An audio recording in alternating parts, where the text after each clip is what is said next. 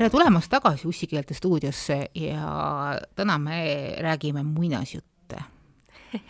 ja me räägime muinasjutte natukene teistsuguses valguses, eriti selles valguses, mis paneb inimesi tegema lollusi ja räägime ka sellest, et muinasjuttudel on tegelikult väga kurvad tagajärjed nii minevikus kui ka olevikus kui ka tulevikus, et et selle sees olevad toksilised käitumisnormid, nii toksiline maskuliinsus kui toksiline feminiinsus, mis on mõlemad äh, patriarhaalse ühiskonnakorralduse halvad vormid.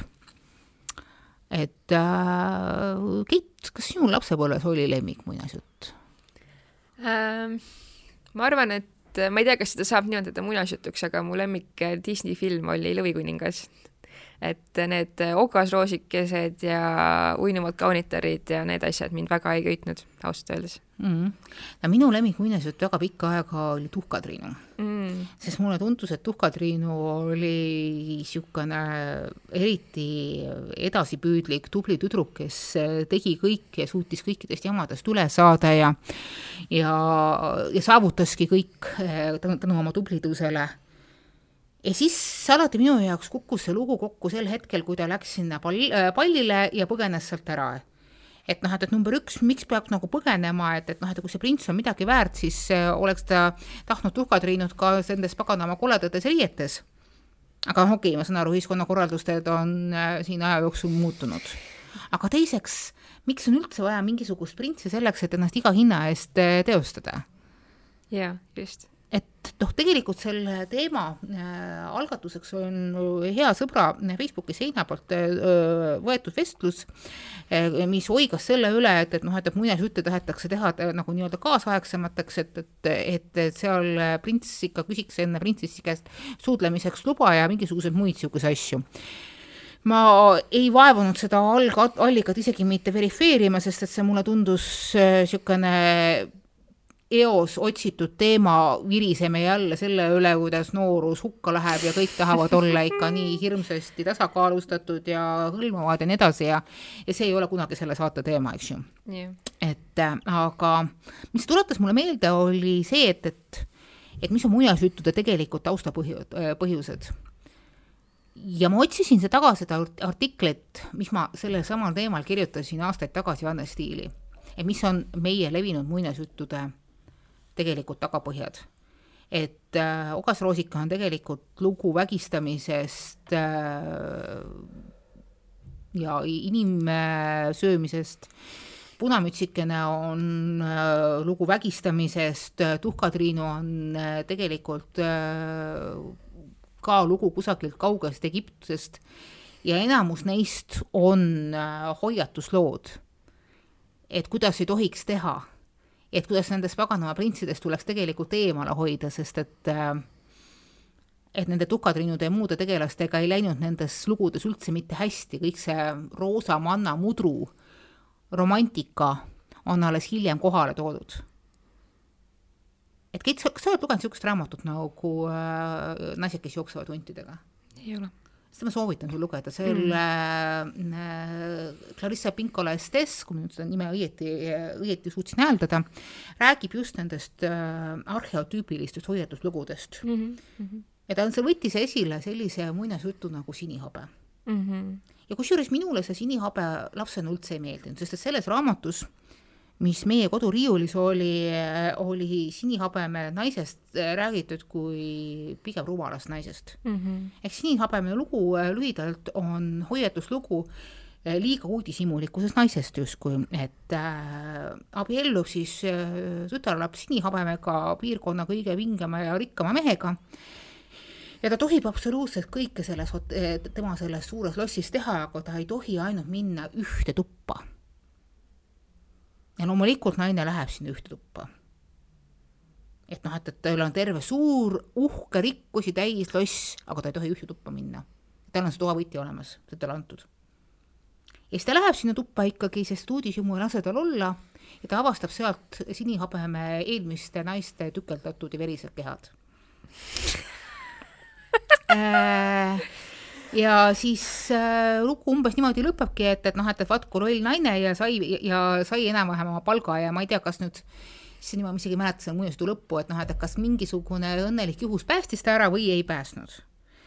aga Estes ütleb, et äh, selles raamatus Lõhikes äh, jooksvate huntidega, et äh, sinihabe on äh, hoiatuslugu, hoiatuslugu teises valdkonnas, see tähendab seda, et, et naine peab igal juhul julgema küsida, mis selles toas on selles mehes mm. -hmm. et kui on, kui, kui sul on igatpidi muud osas perfektne mees ja tal on hinges või ükskõik kusagil üks tuba, kuhu sa ei tohi minna, siis tekib küsimus, miks just nimelt sellesse tuppa ei tohi minna ja mis seal toas on. seal toas võib olla midagi sellist, mis kogu ülejäänud diili täiesti pöördvõrdeliseks teeb. ja seal võivad olla tema eelmiste suhete laibad. Ja kas sina tahad sinna laibaks saada? ja STS ütlebki just, et, et, et see on äh, naise loomulik eluterve äh, ajalooga ja geenidega kaasa antud uudishimu, mis tegelikult selle naise loo algversioonis päästis. ehk siis tal õnnestus saata sõna oma vendadele, kes tulid ja päästsid ta ära. et see on pigem, äh, on see ülistuslugu selle naise nutikusele, kes siiski julges käsust üle astuda ja aru saada, kellega ta tegelikult abielus on. ja et, et selline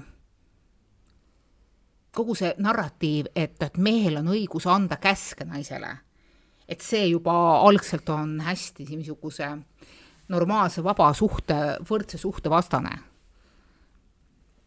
ja, ja ma ise hakkasin hiljem mõtlema, et, et noh, et, et et, äh, et kuidas seda nüüd nimetada, toksiline feminiinsus või et, et, et muinasjutud, mis on õpetanud meie naistele enam mitte kuulama oma sisehäält ja usaldama oma, oma sisehäält, siis äh, viimase sajandi jooksul on neist saanud romantilised gaslighting versioonid, mis justkui uinutavad naiste enda valmis, nagu valvsust.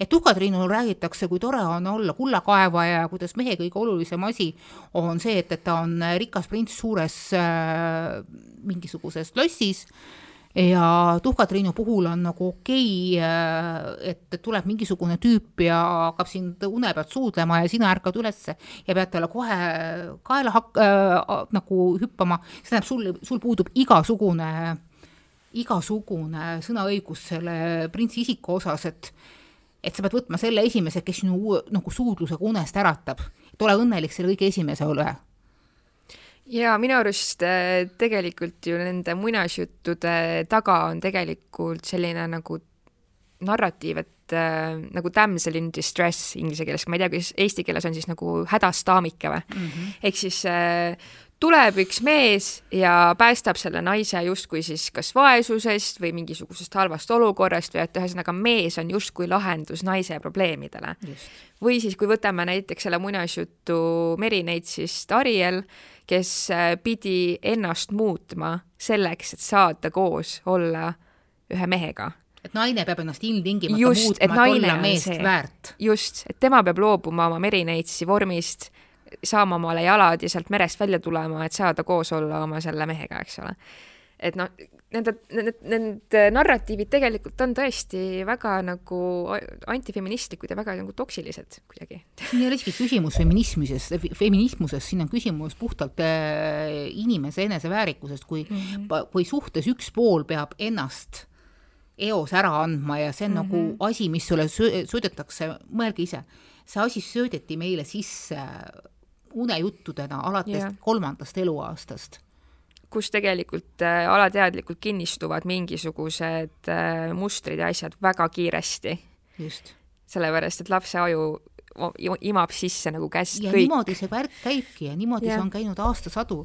et ma olen, ma olen selle peale väikeste vahedega nagu oma elus nagu mõelnud nagu sügavamalt, et et kuna mina olen selle nii-öelda niisuguse romantismi laine kõrgharjal äh, üles kasvanud ja ma olen tohutult ennast segi lugenud igasugustest ilusatest ja vähem ilusatest lugudest, siis äh, ma pikka aega ei tahtnud aru saada, mis selles halba on. kui naine usub suurde ja siirasse armastusesse, armastusesse, mis kõik võidab. Ja ma olin suhteliselt isegi hämmingus, mitte hämmingus, vaid ma lükkasin selle kõrvale, ma ei tahtnud sellega tegeleda, kui üks mu lemmikfeministe, teise laine üks äh, teravamaid inimesi, Gloria Steinem, ütles, et, äh, et naised tuleb vabastada romantilise armastuse toksili-, toksilisest või mürgisest äh, köidikust või midagi niisugust, ma, see praegu täpne tsitaat, aga et, et see armastuse vajadus, see armastuse ja vinge kõikvõistva partneri äh, nõue on meile nagu sisse süstitud ja see tegelikult on naisele kahjulik. ja mina oma tohutus niisuguses armastususus leidsin, et aga mis selles halba on, et, et kui ma endale leian partneri, kes mind armastab, armastab mind üle kõige maailma, kellele mina saan anda ennast, kelles sees mina saan lahustuda, see on nagu ülim niisugune kuulumistunne, see on see Aristotelese pooleks löödud, see oli Aristoteles, palun vabandust, kui ei olnud. Äh, et kui see on see äh, antiik-Kreeka müüt, müüt, et noh, et, et inimesed on kunagi pooleks löödud ja otsivad oma teist poolt ja mm. noh, läbi selle jumaliku kõikehõlmava armastuse on see poolus kokku saanud ja ma tõesti jah, ma mõtlen nii, et, et ma olen viimased neliteist aastat on, olnud oma teise poolega justkui koos. aga alles hiljuti, aga võib-olla peale, peale, peale siis selle Toomas Matsoni Facebooki postitust, millest meil siin jutt on, hakkasime mõtlema, et, et, et kuivõrd palju jama tegelikult tuleb sellest samast muinasjutulisest armastusest, selle muinasjutulise armastuse kultusest, selle ülimaks pidamisest et see tähendab seda, et, et selle asemel, et, et tegutseda iseenda parima äranägemise järgi, tegeleda iseendast lähtuvalt, sa otsid seda kellegist teises. jah. aga sa ei saa kellegi, kedagi teist määrata, sa ei saa kedagi teist kontrollida, sa saad kontrollida ja isegi seda mitte lõpuni iseennast mm. -hmm. sa saad elada tegelikult ainult iseenda jaoks ja seda ma saan aru, on nimetatud ülimaks ega egoismiks, aga minu meelest on see väga eluterve. see on väga tervislik. vähemalt praeguseks oma neljakümne kuuendaks eluaastaks olen ma aru saanud, et äh, päris armastus algab sinust endast. just. ja see on ka põhjus, mikspärast ma siin vahepeal olin pikka aega maal ja lapsed tahavad ka saada unejuttu ma leidsin samad need Charles Perrault muinasjutud, millel on need imeilusad pildid seitsmekümnendatel, kaheksakümnendatel, millal see raamat on välja antud, ma tõesti armastan neid pilte. nii, nii hästi joonistatud. ja ma lugesin sellesama okasroosikese oma viieaastasele lapsele ette. ja kusagil poole pealt oli mul niisugune tunne, et, et ma ei saa seda edasi lugeda, ma pean hakkama seda talle nagu seletama, et, et noh, et, et mhm. vaata, kallikene, et see on noh, nagu selle ajastu värk ja mm -hmm. noh, mhm. tegelikult olgem nüüd ausad, paneme selle kinni ja mm -hmm. ja ma räägin sulle mingisuguse muu muinasjutu mm. -hmm. ma ei tea, mõtlen praegu välja, kus kohas inimesed on natukene parematel positsioonidel või mm -hmm. kus kohas see mõistulugu, mis sulle antakse, ei ole mitte kedagi alla suruv, vaid pigem, vaid rohkem võimestav ähm,? ka mina olen tegelikult ise läbi kogenud selle nii-öelda toksilise armastuse otsingu, et et äh, noh, see minu enda suhe, mis kestis kaheksa aastat, millest ma siin kogu aeg ka räägin, et äh, sellega oli täpselt samamoodi, et äh, kui ma temaga kohtusin, siis mul oli tunne, et äh, et äh, me olime mõlemad väga depressiivsed, meil oli, meil oli, meil oli mõlemal väga niisugune madal koht elus, kui me kohtusime ja ma mõtlesin, et see, kui meil on armastus, siis see ju tervendab meid mm. -hmm. see on ju see, mis meid terveks teeb ja see, kui ma näitan talle, kuidas ma teda armastan ja kuidas ma teda toetan ja tema eest hoolitsen, et see on ju see, mis teeb ta terveks. issand jumal, kui vale! issand jumal, ärge mitte kunagi uskuge niisugust asja, palun, jumala eest, see on nii, see on nii vale ja ma olingi selles suhtes nii kaua, sellepärast et ma mõtlesin, et nagu, et ta ongi mu elu armastus, et tema ongi ja minu see nii-öelda soulmate ja minu hinge teine pool ja, ja ma pean selle suhte kuidagi toimima saama. just nimelt, ma pean ma seda tegema. pean kuidagi Aa. saama selle suhte toimima ja otsin neid viise läbi armastuse ja igasugustel viisidel ja noh, see on lihtsalt nii vale ja jumal tänatud, et ma sellest suhtest välja tulin, jumal tänatud, et ma olen olnud üksi, et ma olen saanud äh, seda kõike enda sees seedida ja ja jõuda sellistele järeldustele, et see, mida ma nagu taotlesin, see on, see ongi lihtsalt täielik muinasjutt, mis ei ole tõsi. reaalses elus ei käi need asjad niimoodi, et armastus äh, võidab kõik ja teeb kõik terveks, ei. Kui äh, su partneril on probleemid, siis see on sinu partneri enda asi nende asjadega tegeleda. ja, ja sa ei sinu... saa kellegi teise just, probleeme lahendada. just, ja kui sinu partner ei võta ennast kätte, ei tegele nende asjadega, siis on sinu kord äh, nii-öelda öelda iseendale, et ei, ma olen rohkem väärt ma väärtustan ennast, ma armastan ennast ja ma ei jää kokku inimesega, kes ei pinguta selle nimel, et iseennast paremaks teha. jaa, hiljuti äh, eelmisel nädalal Toidutore kolumnist Evelin Ilveski avaldas selle kohta ühe mm, toreda mõtte, et Eestis ei ole tehtud vahet aitamisel ja kaasaaitamisel ja meie naised, eriti, eriti naised, see on nagu minu, minu lisandus praegu siia, arvavad, et, et noh, et küll minu armastus teid ära parandab, küll minu armastus äh, kogib ta välja sealt depressioonist, küll minu armastus ravib ära tema sõltuvuse, ükskõik mis seal juures oleksid. küll minu armastus paneb meie kooselu kokku ja ma pean lihtsalt teda rohkem aitama, tema võlgu kinni maksma, talle tooma mingisugust, mingisugust abiraha, otsima viise, panna, panema ampulle, kannatama neid pohmelle, mis iganes, eks ju, selle põhjuseks on. aga, aga me kipume või seda kiputakse tegema sellises volüümis, et see ei ole enam selle inimese aitamine. selle asja nimi on kaasaaitamine mm. -hmm. sa muutud kaassõltlaseks mm -hmm. ja kaassõltlane ei ravi oma partnerit, vaid vastupidi, ta hoiab seda jama üleval, tänu temale see jama toimibki. just. absoluutselt olen nõus, jah aga kui rääkida veel äh, sellisest asjast nagu siis toksiline feminiinsus, siis ähm, minu põlvkonnas ja ka nooremate seas on äh, väga tavaliseks äh, väljendiks muutunud pick me girl ehk mm. siis ähm, see tähendab seda, et on mingisugune fraktsioon naisi, kes ähm, teadlikult kuidagi hoiavad äh, ennast eemal teistest naistest, feminiinsusest äh, ja noh, ongi nendest suhetest ja sidemetest naistega. Ja nad äh, tahavad ainult olla koos meestega ja nad kuidagi muudavad ennast nii, et nad oleksid meeste jaoks atraktiivsemad. ehk siis väga tavaline nende pick me girl'ide puhul on see, et aa ei, mina ei meigi ennast ja mingi, ma, ma ei ole mingi niisugune nagu mingi šalala ja mulle meeldib jalgpall ja, ja et ma mingi rulatan ja ma olen mingi lahe ja mingi šalala, et noh, ühesõnaga üritatakse ennast kuidagi teha maskuliinsemaks selleks, et meestele rohkem meeldida, mis on minu arust väga naljakas. no see on, need on, need on, need on need tüdrukud, ma saan aru, et kes tegelikult ei, ei, ei taipa jalgpallist ega rulast mitte kui midagi, aga mm -hmm. kui tema boyfriend ütleb, et talle meeldib jalgpall, pall ja rula, siis järsku üleöö tekivad tal need, need äh, huvitalad. sa muidugi kirjeldasid praegu enamusi tüdrukuid üheksakümnendatel et see on puhas nüüd nagu mm -hmm. ajaloo rudiment okay,. Yeah. ja ma praegu mõtlesin, kas Jeesus Maria, ma olen ise mingisugust sihukest kräppi ajanud, kindlasti olen.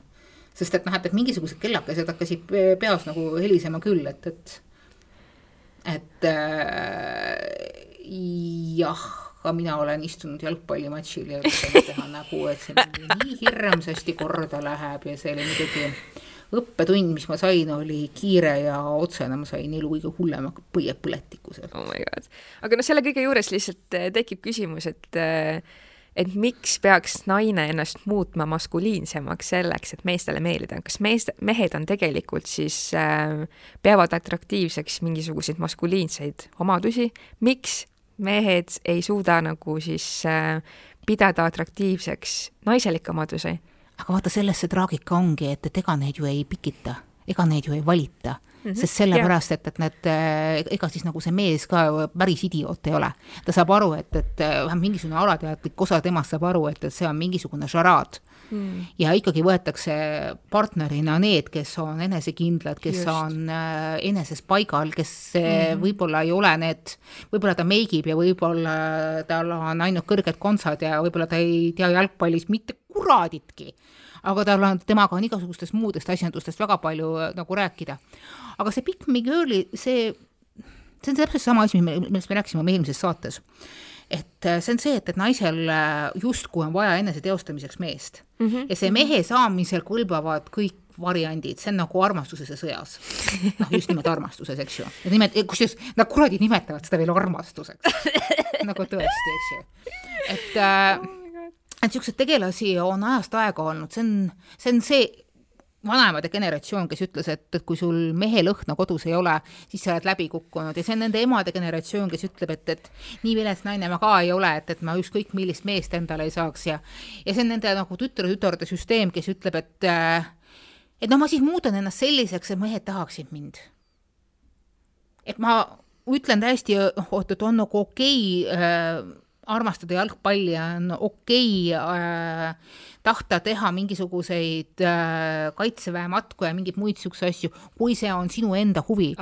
ja täpselt ja. samamoodi on äärmiselt okei okay kanda paljastavaid riietusi ja kõrgeid kontsi mm -hmm. ja mhm. ennast meikida, kui see on sinu äh, sinu soov ennast läbi sellise femmena äh, nagu presenteerida mm. -hmm et see peab see peab tulema sinu enese seest, vastasel korral on see nagu äärmiselt äh, lõtk, lõtv mm. -hmm. ja samas, ka seesama Pick Me Up'i girl'ide probleem on see, et, et millised poisid nad siis lõppude lõpuks saavad. Nad saavad neid, kes otsivad pealiskaudseid tegelasi. ja siis ongi täpselt nii, nagu nagu Lily Alleni mingi kümne aasta taguses äh, loos oli, et äh, et äh, ta tahaks ainult boyfriend'i saada, aga ta saab ühe öö suhteid mm. -hmm, mm -hmm. ehk siis ta küll üritab kõike teha endast oleneva, et, et olla seksikas, vinge ja nii edasi, aga ta on seksikas kellegi teise ambivalentselt nähtamatu, olematu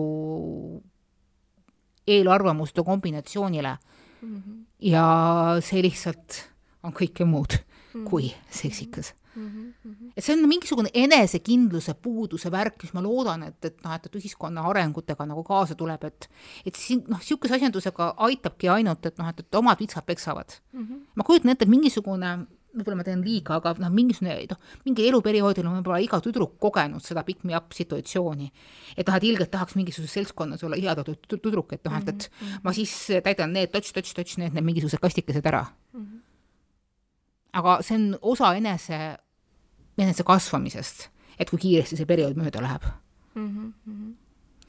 ja noh, tegelikult minu arust äh, naised, kes on justkui nagu naiste vastased, seal taga on ilmselt nagu see internalized misogyny tegelikult. et äh, kahjuks need naised on ise olnud äh, ilmselt äh, siis misogüüne ja toksilise maskuliinsuse ohvrid ja need on kuidagi niimoodi ära tinistatud, et nad ongi kuidagi võtnud selle endale nagu üle ja nad on kuidagi jah, arvavad, et, et kui nad on äh, nii-öelda seostavad ennast meestega ja naiste vastu ja ja on antifeministid ja, ja küsivad feministide käest, et mis teil viga on, et mida te siin röögite, et kõik on nii hästi ja kõik on hääle, te saate ju jah, valida. Te saate ju valida ja mis, mis teil nagu viga on, et mis, mis meil siis siin halvasti, et mehed ju väga hästi meil siin juhivad kõike ja mehed ongi, peaks olema siin meil, eks ole, tipus ja meid, meid edasi kandma, et noh, see on, see on lihtsalt nagu kurb ja see on lihtsalt uh, internalized misogyny in the end. noh, niisugune sisemine naisteviha on äh, meil äh, jällegi seesama noh, ta on, ta on niivõrd tugevasti ajaloos sisse, sisse imbunud, et, et see väga sageli võib olla kaasa antud selles keskkonnas, kus see naine on pärit. et juba tema isa on käitunud tema emaga halvasti või siis äh, nende perekonnas oligi meestele kõik lubatud, aga mm -hmm. naised pidid käima nööri mööda, mis on täiesti mm -hmm. tavaline, mingisugune kuuekümnendate, seitsmekümnendate peremudel, et kus mm -hmm. naise käest nõuti, tüdrukute käest nõuti tohutult palju, aga poiss tahab küll ikka kuidagi saab hakkama, tüdruk mm -hmm. pidi õppima viitele, poiste puhul Aapu koolipoisi hind ongi kolm mm. -hmm. ja kõik muud niisugused asjandused ka, et noh, et sealt, sealt, sealt tulebki see skisofreeniline olukord, mis meil Eestis on, et meil on niivõrd palju nais, naiskõrgharidusega inimesi mm, -hmm. palgalõhe on ikka, ikkagi naiste yeah. kahjuks yeah see ongi see, et, et naine õpib, teeb, sätib mm -hmm. ja on mhm. korralik tütarlaps mm -hmm. ja korralik kõrvalastumine ja täpselt selle momendini, kui tema äh, tee põrkub mehega. siis ta peab alati, siis ta võtab alati endale teise astme. jah, ja noh, kahju ongi, et äh, need naised, kellel on see internalized misogyny, et nad nagu siis, nad ei saa aru sellest, et umbes, et äh, et noh, ongi, et meil ongi Eestis on Euroopa üks suurimaid palgalõhesid, aga siis nende jaoks ei ole see probleem, kui selle tõttu, et nad on lihtsalt naised, saavad nad vähem palka, kuigi nad on haritud. Ja nad on sama heal tasemel ja eksperdid kui mehed. Vaata, mul on paar seda, paar seda noh, nii-öelda nai-, noh, niisugust naistüüpi on tutvusringkonnas ja ma olen nendega nagu rääkinud ja rääkinud nendega hästi rahulikult äh,, ilma noh, ilma vastandumiseta, ilma loosungiteta, et, et noh, et okei okay,, räägime noh, nagu siis nagu naised mm -hmm., noh, noh nagu naised omavahel, nagu kommunist mm -hmm. kommunistiga, eks ju et äh,, et noh, et, et kaart laua peal, igasugused loosungid ei lähe, aga et, et noh, et kui ma vaatan sinu elukallikana, siis, siis su elu on ju puhas feminism. sa oled pannud oma perekonna hästi tööle sa oled pannud oma mehe laste eest hool-, hoolitsema, mida ta absoluutselt teha ei tahtnud, sa oled nõudnud endale välja võimaluse käia äh, tööl osa, osaajaga, su lapsed on hoitud erinevate instantside poolt, aga samal ajal on, on, on nad ka nagu, nagu sul kodused, sa tegelikult kasutad absoluutselt kõiki neid samu relvi, mida ka naisõiguslased. aga siis sa tuled ja ütled, et sul ei ole feminismi vaja, aga ometigi ometigi sa teed seda kõike. Et miks sul on vaja viimases etapis anda see äh, enesetunnustus ära? et pärast seda, kui sa oled saanud perekonna toimima, kui sa oled saanud äh, teha oma abikaasale selgeks, et raisk kurat, need viis last on ka sulle sündinud. ja nüüd istud kodus nendega ja teed, niikaua kui mina teen mingisugust enda asja ja mul on seda enda asja vaja ja see ei kuulu arutluse alla. täpselt samamoodi nagu sinul on vaja kusagil avalikkusest lehvida, on vaja minul mingisuguseid enda asju teha ehk siis sa ütled, et ei, feminism on ikka nõmedus. Nagu daa see on nagu niisugune nagu tõsine niisugune kahestumine mm. -hmm. et kas siis nagu, kas see nagu noh, et see nagu, see on nagu vanasti nõukaajal oli, et, et noh, et üks asi oli see, mis on päriselt ja see oli see ja, ja üks asi oli see, mis oli nagu näiliselt. siis nagu näiliselt hoiame üleval seda Äh, sisemist naisteviha ja niisugust äh, traditsioonilist värki, et, et noh, et, et vaatan alt, alt üles oma mehele, aga kui nagu tuled lähevad kustu ja kardinad alla, siis noh, me teeme suurepäraselt, kelle pärast või kelle, kelle töö nimel ja kelle saavutuse najal see perekondlik üksus äh, nagu üleval püsib. ja kui läheb asi kriitiliseks, kelle sõna tegelikult peres loeb just, minu arust see on tegelikult väga tavaline, et äh, perekonnas on nii-öelda siis need püksid on tegelikult ju naise jalas. et äh, mina enda kuigi ta seda tunnistada ei taha. just, mina enda nagu peresuhete puhul olen seda näinud, et äh, nii minu vanaema ja vanaisa suhtes oli see, et vanaemal oli, vanaema oli see, kelle jalas on püksid ja ja minu ema on väga niisugune võimukas naine ja, ja noh, selles suhtes, et mu kasuisa on isegi tunnistanud, et jah, ma olen sinu ema sussialune, aga mulle väga meeldib seal olla ja seda nad armastavad öelda.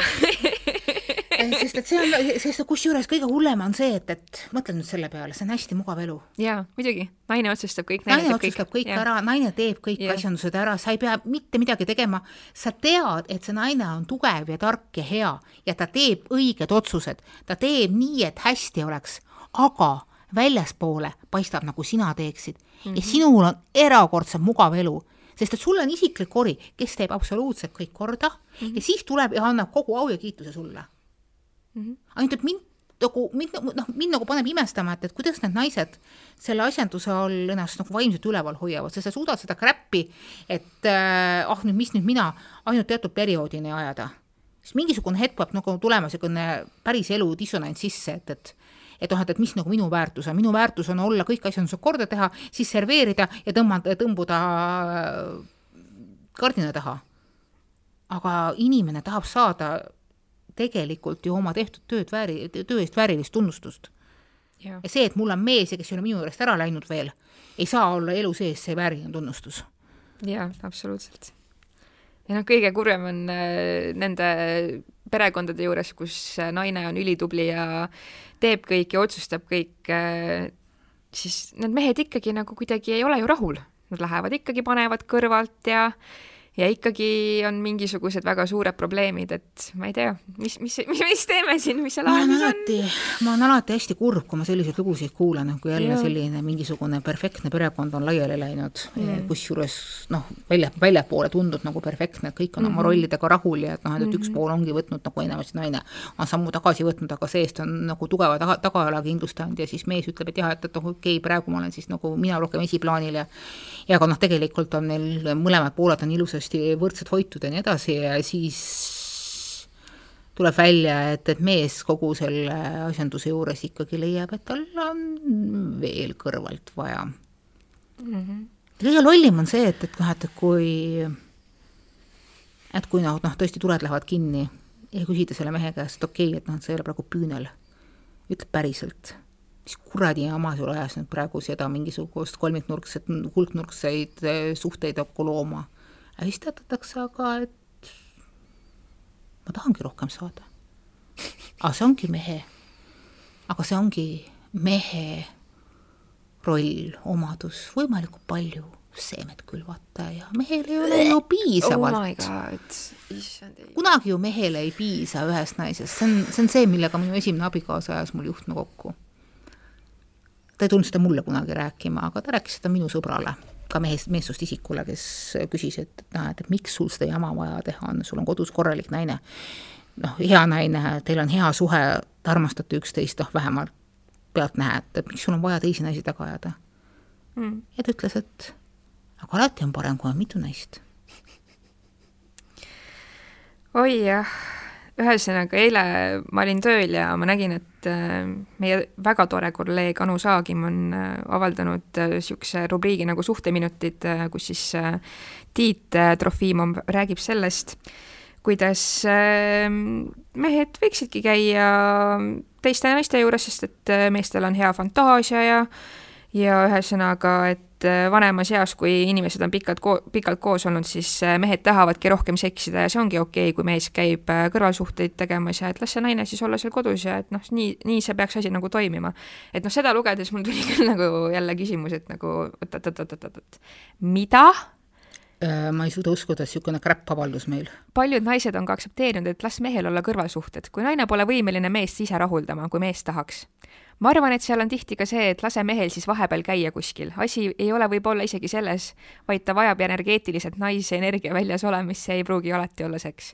nagu kui tal on naine kodus olemas, siis on tal seda naise energiat Just. tooma, ei tea mis asja, eks ju. täpselt, et noh, seda lugedes mul jälle nagu tekkis küsimus, et nagu mida, mis asja nagu, aga see on jälle seesama generatsioon, see on needsamad mingid viiekümnendate, kuuekümnendate generatsioon, kus kohas ühele, ühele poole oli lubatud ja teisele poole ei olnud lubatud. Aga tahad, ma räägin praegu, et noh, et mis on tegelikult selle põlvkonna, mis tegelikult, aga mis on ka selle põlvkonna tõsine probleem. selle põlvkonna tõsine probleem on see, et äh, mehed ei suuda enam voodis hakkama saada mm.. potentsiprobleemid tabavad mehi, mitte naisi. naisel läheb seks peale meno-, menopausi väga sageli paremaks, sellepärast et tal ei ole vaja enam muretseda, et ta igast, vabandust väljendustest, paugust rosedaks jääb.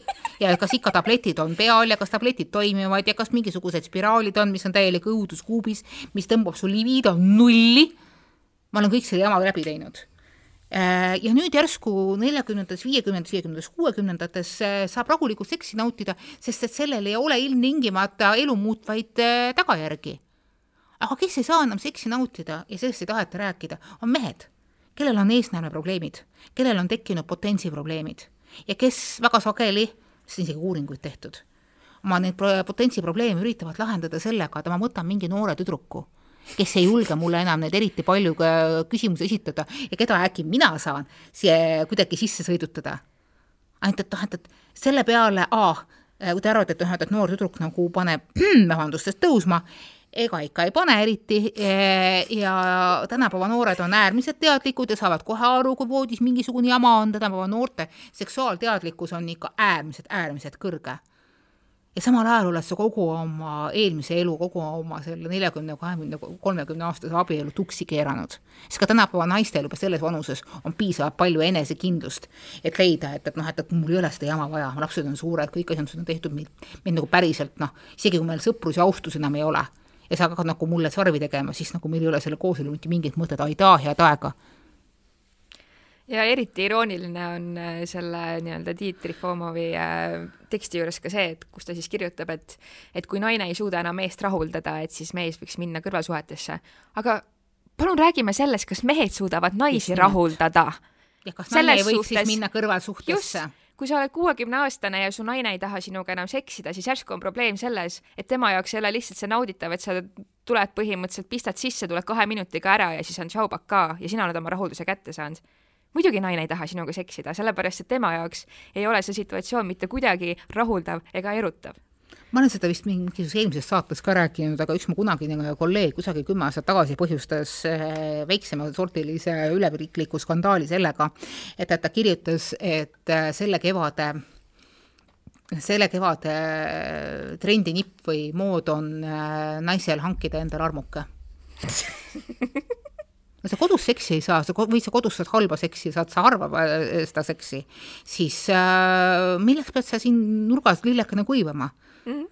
siis mine ja hangi endale armukene, kui, kui suhe ei tööta, ükskõik mis suhe, kui suhe ei tööta, on kõikidel inimestel õigus leida midagi paremat jaa, aga selle juures oleks minu arust tervislik muidugi ka see, et sa lõpetad selle vana suhte ära, mis ei toimi.